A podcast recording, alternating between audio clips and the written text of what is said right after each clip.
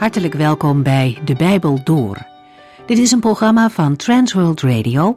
U kunt ons ook vinden op internet www.transworldradio.nl.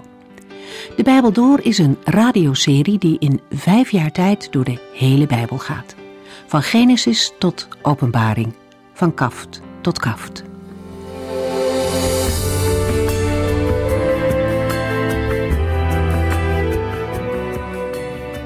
Hebben de vorige keer het boek van de profeet Zacharia uitgelezen.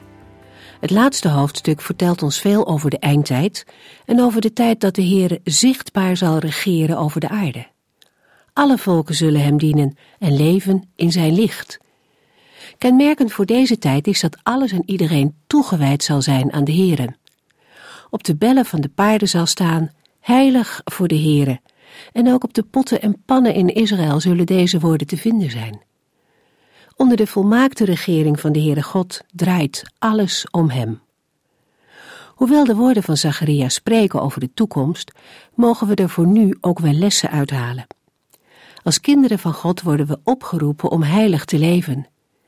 Wees heilig in alles wat u doet, want de Heere, die u heeft geroepen om zijn kind te worden, is heilig, schrijft Paulus in zijn brief. Heilig heeft twee kanten.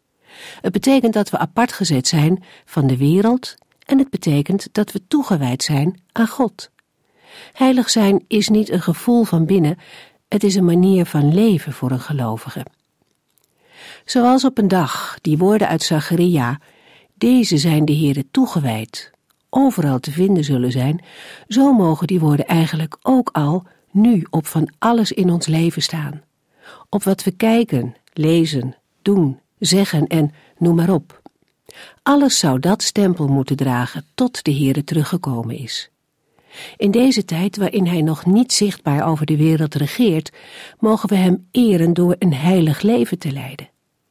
Veel uit de profetie van Zacharia komt weer terug in het boek Openbaring, waar we binnenkort aan hopen te beginnen.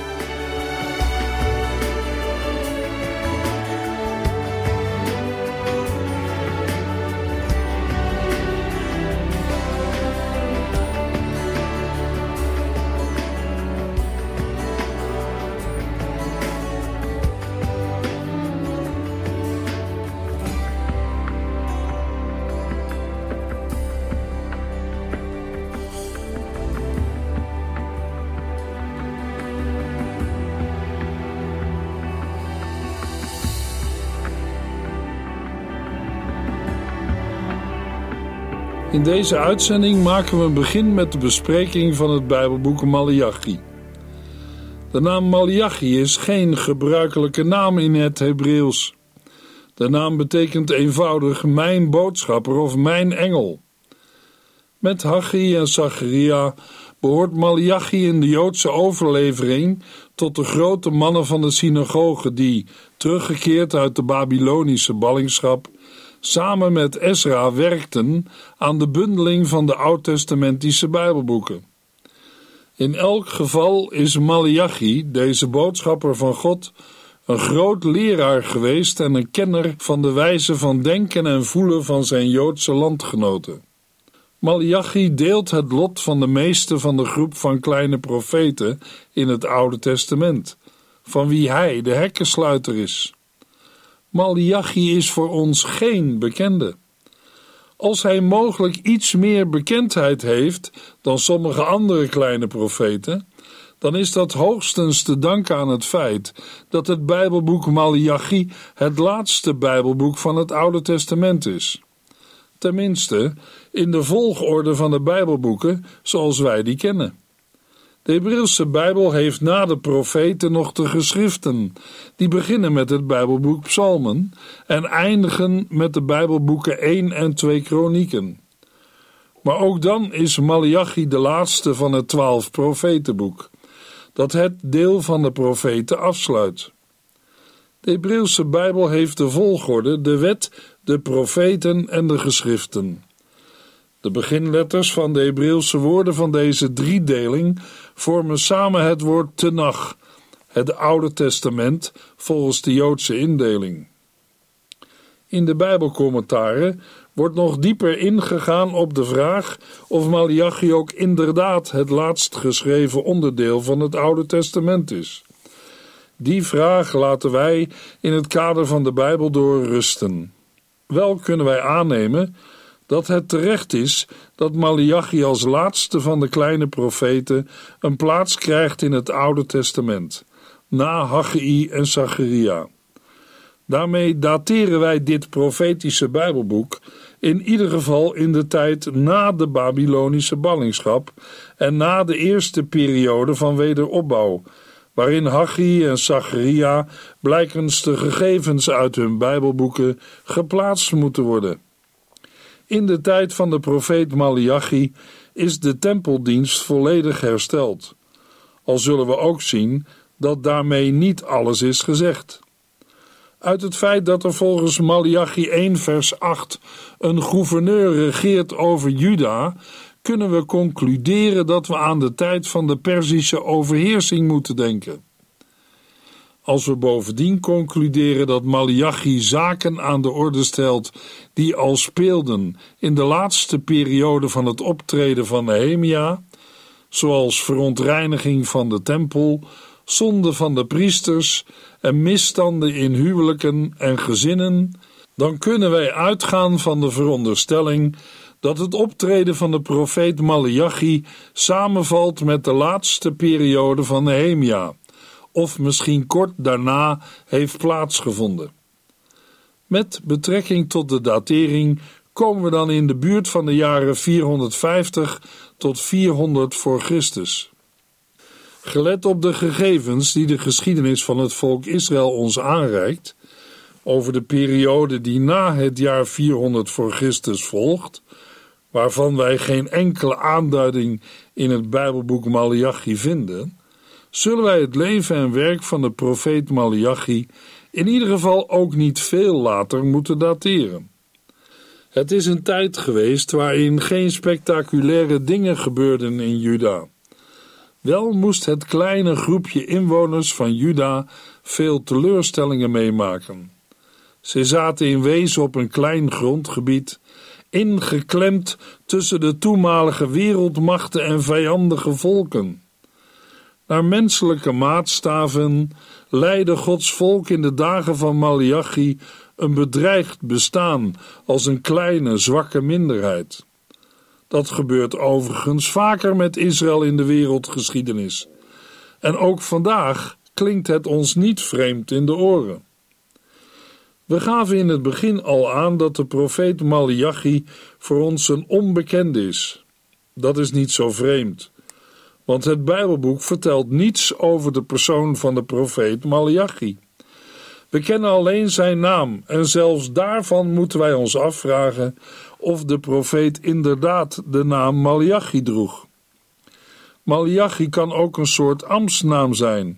Letterlijk vertaald uit het Hebreeuws betekent Malachi mijn boodschapper of mijn engel.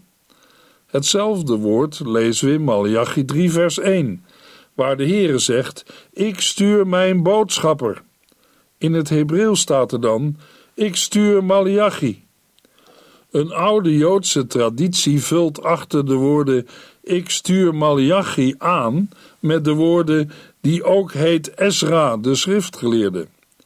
Maar de meeste moderne exegeten gaan ervan uit dat Malachi een eigenaam is, en daar sluit ik mij bij aan. Misschien zegt die naam wel iets van de geestelijke instelling van zijn vader en moeder.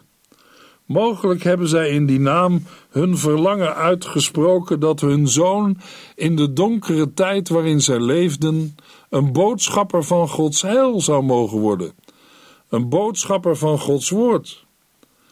Ook bij Malachi valt het op dat de persoon van de boodschapper niet belangrijk is. We kunnen zeggen Alleen als het van belang is in het kader van de boodschap die de dienaar van God heeft door te geven, wordt er iets van zijn persoon en leven verteld. Het gaat namelijk niet om de persoon, maar om de boodschap. Met eerbied gezegd, Malachi mag een boodschappenjongen van de Heer zijn. Voor een boodschappenjongen is degene die de boodschap geeft en de inhoud van de boodschap het belangrijkst En zo is dat ook bij Malachi. Hij gaat schuil achter zijn zender. Er is dan ook geen enkele reden om je als boodschapper belangrijker te vinden dan een ander.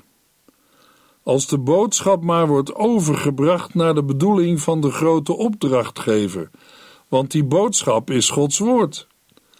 De Heere spreekt en gebruikt daarvoor de mond van de profeet Malachi. Dat is niet zo gemakkelijk als het lijkt. In de Hebreeuwse tekst wordt deze taak een last genoemd. We lezen dan in vers 1 de last van het woord van de Heere tot Israël door de dienst van Malachi. In het woord last ziet u iemand iets zwaars dragen. Hij heeft er een hele vracht aan en het is een zware verantwoordelijkheid en soms gaat hij eronder gebogen. Maar als hij de boodschap niet verkondigt, is hij ontrouw aan zijn opdrachtgever en zender. En daarbij komt nog dat wat hij zegt niet met gejuich wordt ontvangen. En dat is vandaag nog zo. Wie wacht op veel applaus, moet geen lastdrager van het woord van God worden. Gods woord is nooit naar de mens, al is Gods boodschap wel voor de mens. Maar als een mens die last door de Heere krijgt opgelegd en gehoorzaam is, dan kan hij dat woord niet verzwijgen.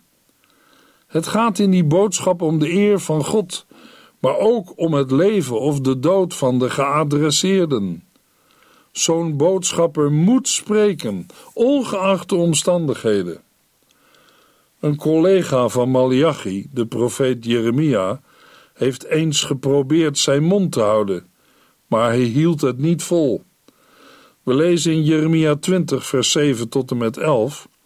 Toen zei ik, Heere, toen ik uw berichten moest doorgeven, ben ik door u overgehaald en ik zwichtte, omdat u sterker bent dan ik. Maar nu ben ik het mikpunt van spot in deze stad. Ik moet altijd tegen hen spreken over rampen, verschrikkingen en verwoesting.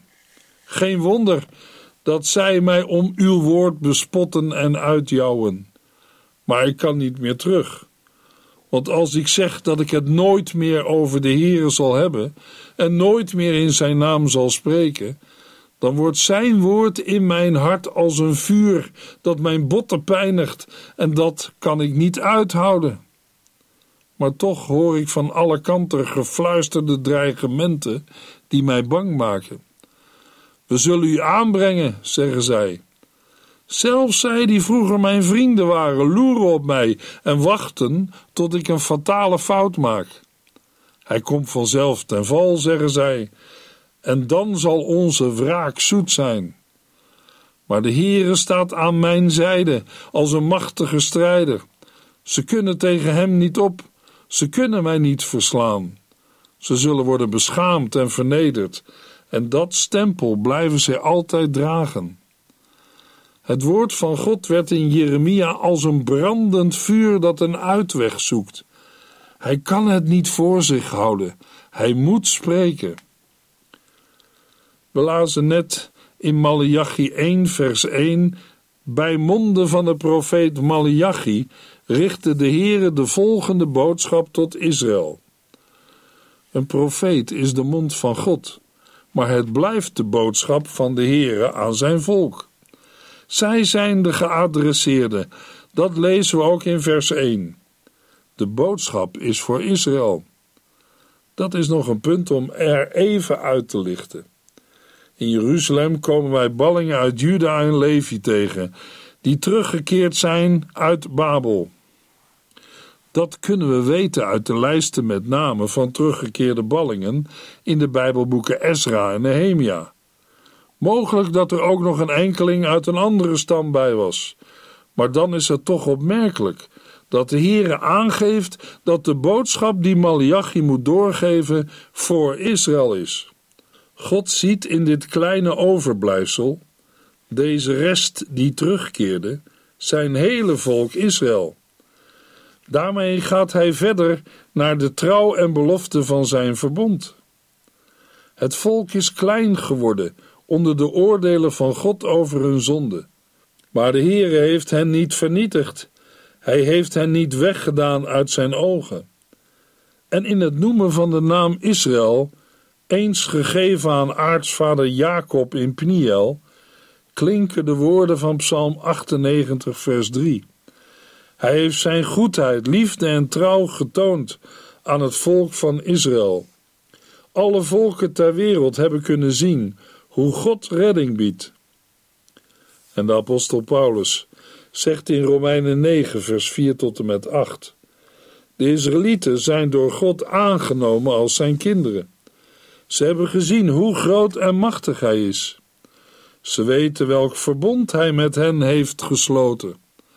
God heeft hun verteld hoe zij moeten leven en hem kunnen dienen. Zij weten welke beloften hij heeft gedaan. Zij stammen af van de aartsvaders en uit hun midden is naar de mens gesproken Christus voortgekomen. Alle lof en eer is daarom voor God, die boven alles staat, voor altijd. Amen. God heeft zijn woord niet gebroken. Maar niet alle Israëlieten zijn echte Israëlieten.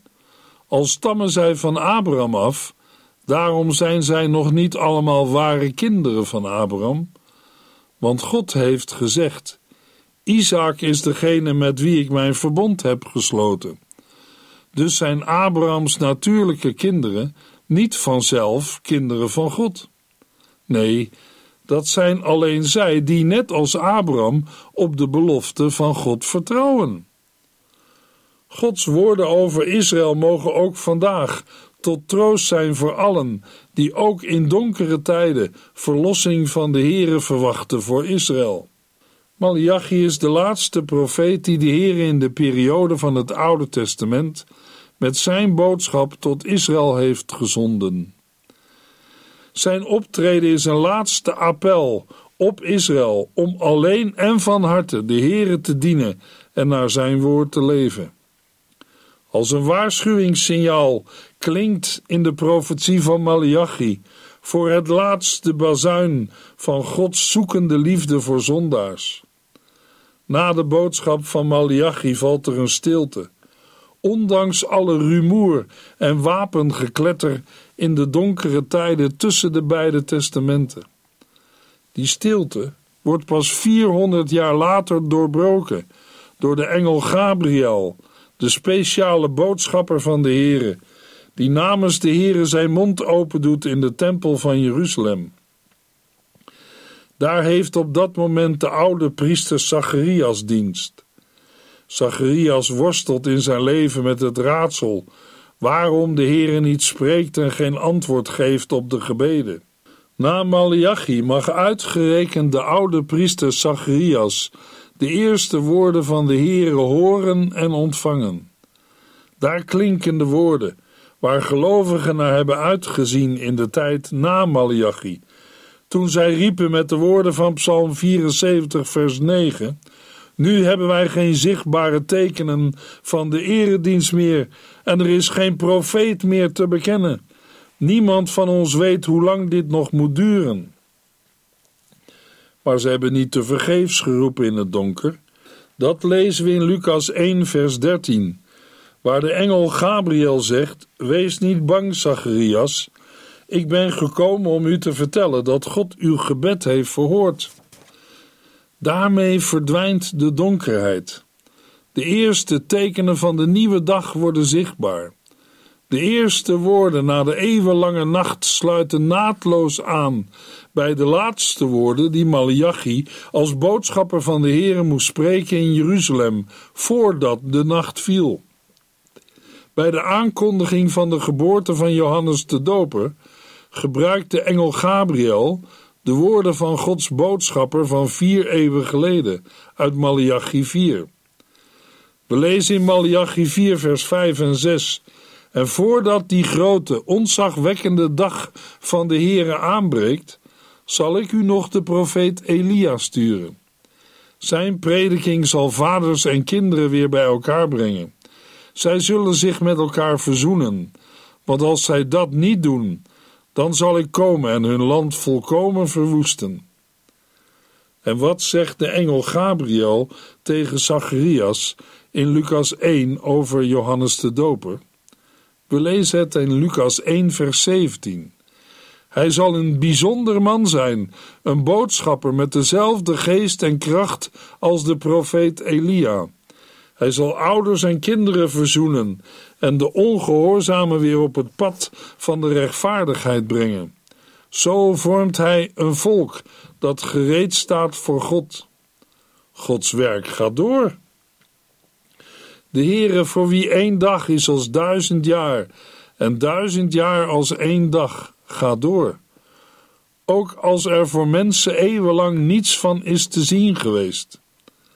De laatste profeet van het Oude Testament kan tot zwijgen zijn gebracht. De spotters kunnen vragen: Er is toch beloofd dat de Christus zou komen, waar blijft hij dan? Gods volk kan soms moe worden van het turen door de dichte mist van de tijd. Maar de dag van de Heere komt. Ook Malachi, de laatste profeet van het Oude Testament, heeft niet alleen een boodschap die vervulling krijgt als op Gods tijd de Heer Jezus wordt geboren. Ook in de woorden van de profeet Malachi horen wij apocalyptische geluiden, die doen denken aan de boodschap van de laatste profeet van het Nieuwe Testament, Johannes, Gods dienaar op het eiland Patmos. De woorden uit Openbaring 1, vers 7a. Hij komt te midden van de wolken en iedereen zal hem zien, ook zij die hem doorstoken hebben. Klinken als een herkenningstune al eeuwen voor de eerste komst van Christus in de boodschap van de laatste profeet van het Oude Testament. In verschillende commentaren wordt aandacht gevraagd voor de bijzondere pastorale inslag van de boodschap van Malachi. Hij is geen prediker die een eigen verhaal houdt dat op geen enkele manier aansluit bij het leven en denken van zijn hoorders. Zo is Malachi niet. De profeet spreekt met zijn toehoorders. In zijn optreden wordt het geduld en de genade van de Heere zichtbaar. Zo staat Malachi midden tussen de mensen. Via de profeet Malachi voert de Heer een aantal gesprekken met zijn volk. Naast het woord van God is er ruimte voor reacties van het volk. En in de gesprekken heeft de Heer het eerste woord. Anders zou er helemaal geen gesprek zijn. Zo was het al in de Hof van Eden toen Adam en Eva van de verboden boom hadden gegeten. En de Heere, het van hem wegvluchtende mensenpaar, riep.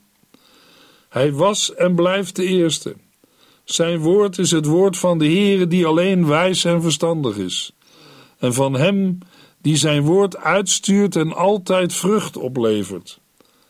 Het doet alles wat de Heere wil en bereikt datgene waarvoor de Heere het wegstuurt. Wij moeten nogal eens woorden inslikken, terugnemen of ons ongelijk bekennen, maar de Heere nooit. Hij heeft ook het laatste woord. Hij is de rechter die beslist. Daarom is het voor ons mensen van het grootste belang dat wij leren zwijgen en luisteren. Maar bij Malachi is God niet alleen aan het woord. Het volk mag zijn vragen stellen. De Heere helpt hen daar zelfs bij. Hij luistert en gaat op de vragen, tegenwerpingen en verwijten in. Tot zesmaal toe geeft de Heere het volk gelegenheid om te reageren en het hart te luchten. Dat is het bijzondere van het Bijbelboek Malachi.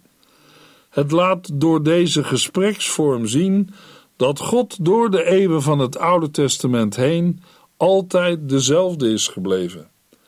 Hij is God, die na de zondeval begonnen is de gevallen mens vragen te stellen, naar hun antwoorden te luisteren en daarop in te gaan. En juist zo blijkt de herder de echte en enige goede herder te zijn. Hij wil de schapen leren luisteren, opdat zij de herder zullen volgen en leven vinden en overvloed. Mag hij ook uw herder zijn? We gaan nu in Malachi lezen. Malachi 1, vers 1 tot en met 3. Bij monden van de profeet Malachi richtte de Heere de volgende boodschap tot Israël. Ik heb u innig lief gehad, zegt de Heere. O ja, Wanneer dan? is uw antwoord. Ik toonde mijn liefde voor u door te houden van uw voorvader Jacob, antwoordt de Heere. Dat was mijn eigen keus. Ik heb zelfs zijn broer Esau gehaat en Esaus bergen en erfenis verwoest. Ik gaf het aan de jakhals in de woestijn. Het kan ons bijna niet zijn ontgaan bij het lezen van de eerste drie versen. Malachi begint zijn boodschap met een grandioze liefdesverklaring van de Heere aan het adres van zijn volk Israël. Ik heb u innig lief gehad.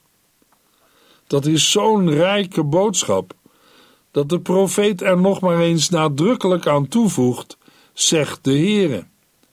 Het zijn niet de eigen woorden van Malachi, maar die van de Heere.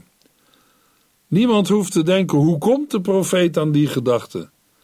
De Heere zegt het zelf. Hoezeer de profeten ook geroepen zijn het volk tot bekering te manen, en hoezeer ze ook oproepen tot verootmoediging en schuldbeleiden. Hoezeer ze ook waarschuwen voor Gods oordelen. Voor alles en boven alles staan zij in dienst van God. En de Heere heeft zijn volk lief en kan het niet zomaar overgeven aan de ondergang. De laatste van de twaalf kleine profeten kan op grond van de inzet van zijn profetie de profeet van de liefde van God genoemd worden, net als Hosea, de eerste van de kleine profeten. Als wij ervan uitgaan dat Malachi zijn boodschap heeft doen horen op het tempelplein in Jeruzalem, dan moet dit woord als een doordringende trompetstoot hebben geklonken in de oren van het volk dat daar bezig was met de offerdienst. God bevestigt zijn liefde en hij doet dat in het heiligdom waar hij het volk ontmoet in de dienst van verzoening en voorbeden, waarvan in het Bijbelboek Malachi wordt gesproken. Dat is al iets om te onthouden waar de verzoening wordt verkondigd en het volk nadert voor Gods aangezicht. Daar klinkt de boodschap van de liefde van God. Het is een boodschap vol verootmoediging, bemoediging, troost en genade. Dat ontdekken wij als we letten op het Hebreeuwse werkwoord dat hier voor liefde wordt gebruikt.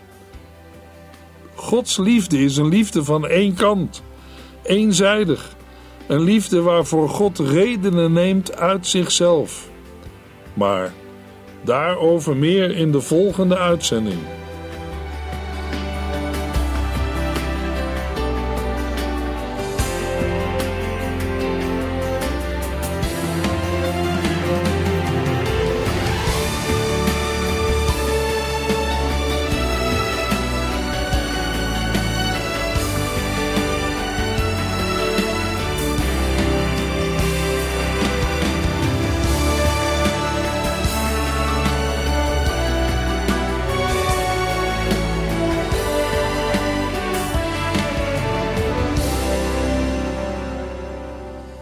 Eindigt deze aflevering van De Bijbel Door. Een serie programma's van Transworld Radio. Wilt u ons iets vragen of meer weten? Dan kunt u altijd contact met ons opnemen. Bellen kan overdag met 0342 478432. Per post Transworld Radio. Postbus 371. Postcode 3770. Anton Johannes in Barneveld. En e-mailen kan ook. De Bijbel door at transworldradio.nl En natuurlijk ook via onze website transworldradio.nl Dit programma werd gepresenteerd door Cor Weda en Ike André. En namens iedereen die er nog meer aan meegewerkt heeft, graag tot de volgende keer.